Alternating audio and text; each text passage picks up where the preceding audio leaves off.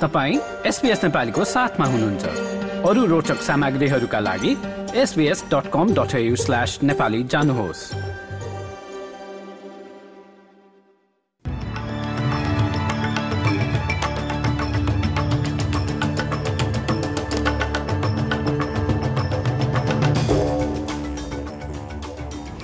आजको मुख्य समाचारमा श्रीलङ्कामा हिंसात्मक विरोधपछि त्यहाँको राष्ट्रपति र प्रधानमन्त्रीद्वारा राजीनामा।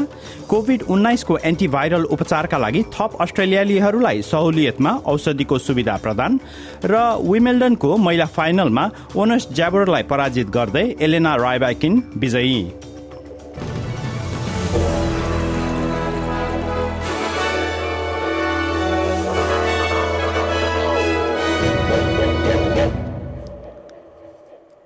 श्रीलङ्कामा केही महिनादेखि त्यहाँको सरकार विरोधमा हुँदै गरेको प्रदर्शन हिंसात्मक भएपछि त्यहाँका राष्ट्रपति र प्रधानमन्त्री दुवैले पदत्याग गर्न स्वीकार गरेका छन्।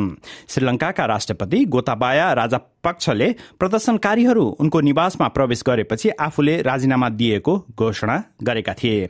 यसैबीच केही प्रदर्शनकारीहरूले त्यहाँका प्रधानमन्त्रीको आवासमा आगो लगाएको पनि समाचार आएको छ।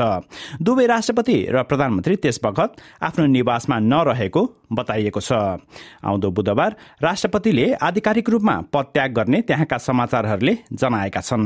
श्रीलङ्काको अर्थतन्त्र धाराशाही भएको भन्दै सयौं हजारौंले केही महिनादेखि त्यहाँको राजधानी कोलम्बोमा प्रदर्शन गर्दै आएका छन्।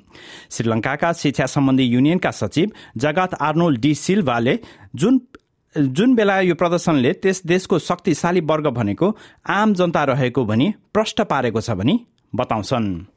So today, the people uh, uh, who were uh, in the struggle, they entered the uh, President House uh, possibly and uh, took, took it in control. So now this is a, a real thing that happened today. What we have to say is to the people, now we have to gather and form a nation's government. उता जापानमा पूर्व प्रधानमन्त्री सिन्जो आबेको निधनमा उनको सुरक्षामा कमजोरी भएको त्यहाँका अधिकारीहरूले स्वीकार गरेका छन्। आबे आगामी निर्वाचनको लागि सत्तारूढ़ दलको प्रचारको क्रममा नारा शहरमा रहँदा गोली प्रहारबाट मारिएका थिए। नारा शहरको प्रहरीले उनको सुरक्षामा कमजोरी कहाँ भएको नखुलाए पनि त्यस सम्बन्धमा थप अनुसन्धान गर्ने बताएको छ। त्यहाँबाट प्राप्त समाचारहरूका अनुसार पूर्व प्रधानमन्त्रीको शवलाई राजधानी टोकियो फर्काइएको छ र उनको अन्त्येष्टि यही मंगलबार गरिने भइएको छ। यता अस्ट्रेलियामा कोविड उन्नाइसको एन्टिभाइरल उपचार गर्ने सत्तरी भन्दा माथिका उमेरहरूको लागि अस्ट्रेलियाको सरकारले दबाईमा मेडिकेयर अन्तर्गतको सुविधा प्रदान गर्ने भएको छ। स्वास्थ्य मन्त्री मार्क बटलरले यो सुविधा दुई भन्दा बढ़ी स्वास्थ्य जोखिमका रोगहरू भएका तीस वर्षभन्दा माथिका एबोरिजिन तथा टोरिस्ट स्ट्रेट आइल्याण्डका मानिसहरू र यस्तै समस्या रहेका पचास भन्दा बढ़ी उमेरका अन्य समुदायका बिरामीहरूलाई यो सुविधा प्रदान गरिने बताउँछन्। This will do enormous things to reduce, reduce the incidence of severe disease and relieve pressure on our hospital systems that are under such enormous pressure right now. This decision will finally get these medicines, these critical COVID medicines, out of the warehouses and doing the job that they were intended to do, which is reducing severe disease and relieving pressure on our hospital system. साथै अठार वर्षभन्दा माथिका immuno कम्प्रोमाइजहरूले पनि सरकारबाट Covid उन्नाइसको antiviral उपचारको लागि सहुलियत पाउनेछन्। अहिलेसम्म कोविड उन्नाइसको कारणले अस्ट्रेलियामा मारिनेहरूको संख्या दस हजार दुई सय नागेको छ। हिजो शनिबार कोविडको कारणले सतहत्तर जनाको ज्यान गुमाएका थिए भने सैतिस हजारमा नयाँ संक्रमण फेला परेको थियो।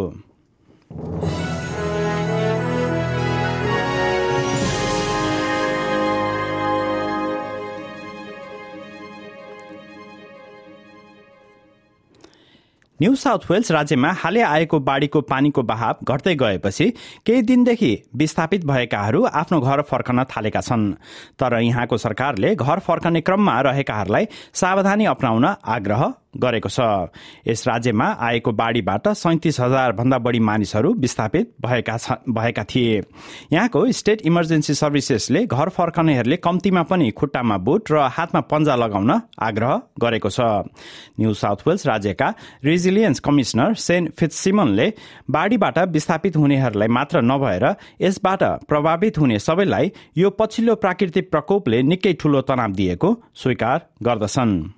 The consecutive compounding effects of these disasters are having a real toll, not just materially on the damage and the destruction uh, and the monies and the support that's needed, but obviously the emotional and psychological well-being of people uh, is very real and very present, and that's certainly what we're hearing uh, right throughout the region.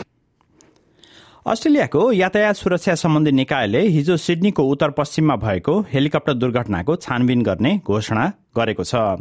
South मरुटामा भएको दुर्घटनामा त्यस हेलिकप्टरका पाइलटको निधन भएको थियो। ती पाइलटको तीस वर्षभन्दा बढ़ी समयसम्म उनको उडानको अनुभव रहेको समाचारहरूले जनाएका छन्। अन्तर्राष्ट्रिय समाचारमा अमेरिकाको ओहायो राज्यमा केही दिन अघि एक अश्वेत अमेरिकी प्रहरीको गोली प्रहारबाट मारिएपछि त्यसको न्यायपूर्वक जाँच हुन विरोध प्रदर्शन भइरहेको छ। पच्चीस वर्षीय जेल्यान्ड वाकरले ट्राफिक जाँचमा नरोकेपछि प्रहरीले गोली प्रहार गरेको त्यहाँका अधिकारीहरूले बताएका छन्। मृतकको शरीरमा साठी भन्दा बढ़ी गोली प्रहारको संकेत देखा परेपछि प्रदर्शनकारीहरूले त्यस घटनामा संलग्न प्रहरीहरूको नाम खुलाउन माग गरेका छन् प्रदर्शनकारीहरू मध्येका एक ज्याकब ब्लेकले प्रहरी ज्यादतीको निन्दा गर्दै जनावरलाई मार्दा पनि साठी गोली प्रयोग गरिँदैन भनी बताउँछन् If we have to explain to white America that 60 bullets is too many bullets, if we have to explain that seven bullets is too many bullets, then you already look at us as animals. You don't shoot a deer 60 times. You wouldn't shoot a moose that many times. र अर्को अन्तर्राष्ट्रिय समाचारमा मेक्सिकोका पूर्व राष्ट्रपति Louis इचाभेराको सय वर्षको उमेरमा निधन भएको छ। इचाभेराले मेक्सिकोमा सन् उन्नाइस सय सत्तरीदेखि उन्नाइस सय छयत्तरसम्म शासन गरेका थिए।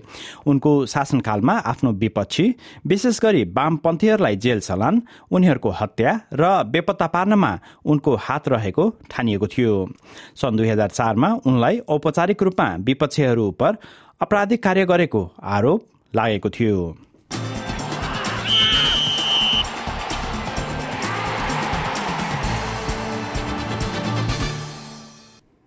खेल समाचारमा एलेना रायबाइकिनकाले ट्युनिसियाकी ओनास जाबोरलाई पराजित गरी विमिल्डनको महिला उपाधि हात पारेकी छिन्।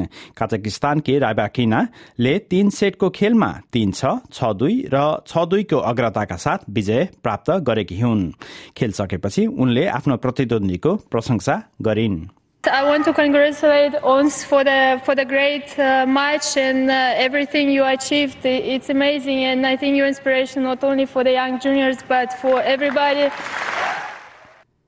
यसै गरी पुरुष डबलमा अस्ट्रेलियाको जोडी म्याक्स पर्सेल र म्याथ्यू इबेनले उपाधि हात पारेका छन् उनीहरूले पाँच सेटको खेलमा क्रोएसियाका निकोला मेक्टिक र मेट फ्याभिकलाई हराएका थिए आज बेलुका भने अस्ट्रेलियाको निक क्रियोस र सर्बियाका नोभाक जोकोभिच बीच नो नोभाक जोकोभिच बीच पुरुष एकल उपाधिको लागि प्रतिस्पर्धा हुँदैछ।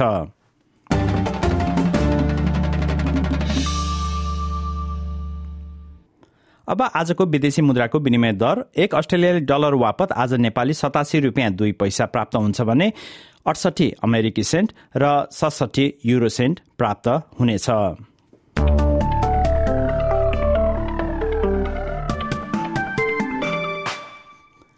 अब भोलि सोमबारको मौसम सम्बन्धी विवरण श्रोताहरू भोलि सोमबार पर्थमा घाम लाग्ने अठार डिग्री रहनेछ अधिकतम तापक्रम। एडिलेड र मेलबर्नमा आंशिक बदली र वर्षाको सम्भावना तेह्र डिग्री सेल्सियस रहनेछ। होबार्ट र क्यानबेरामा बादल लाग्ने अधिकतम तापक्रम रहनेछ चौध डिग्री सेल्सियस।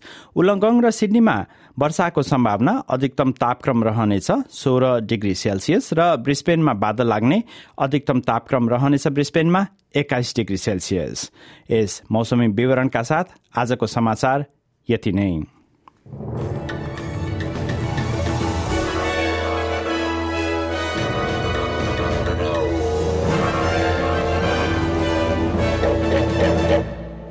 तपाईँ एसपिएस नेपालीको साथमा हुनुहुन्छ।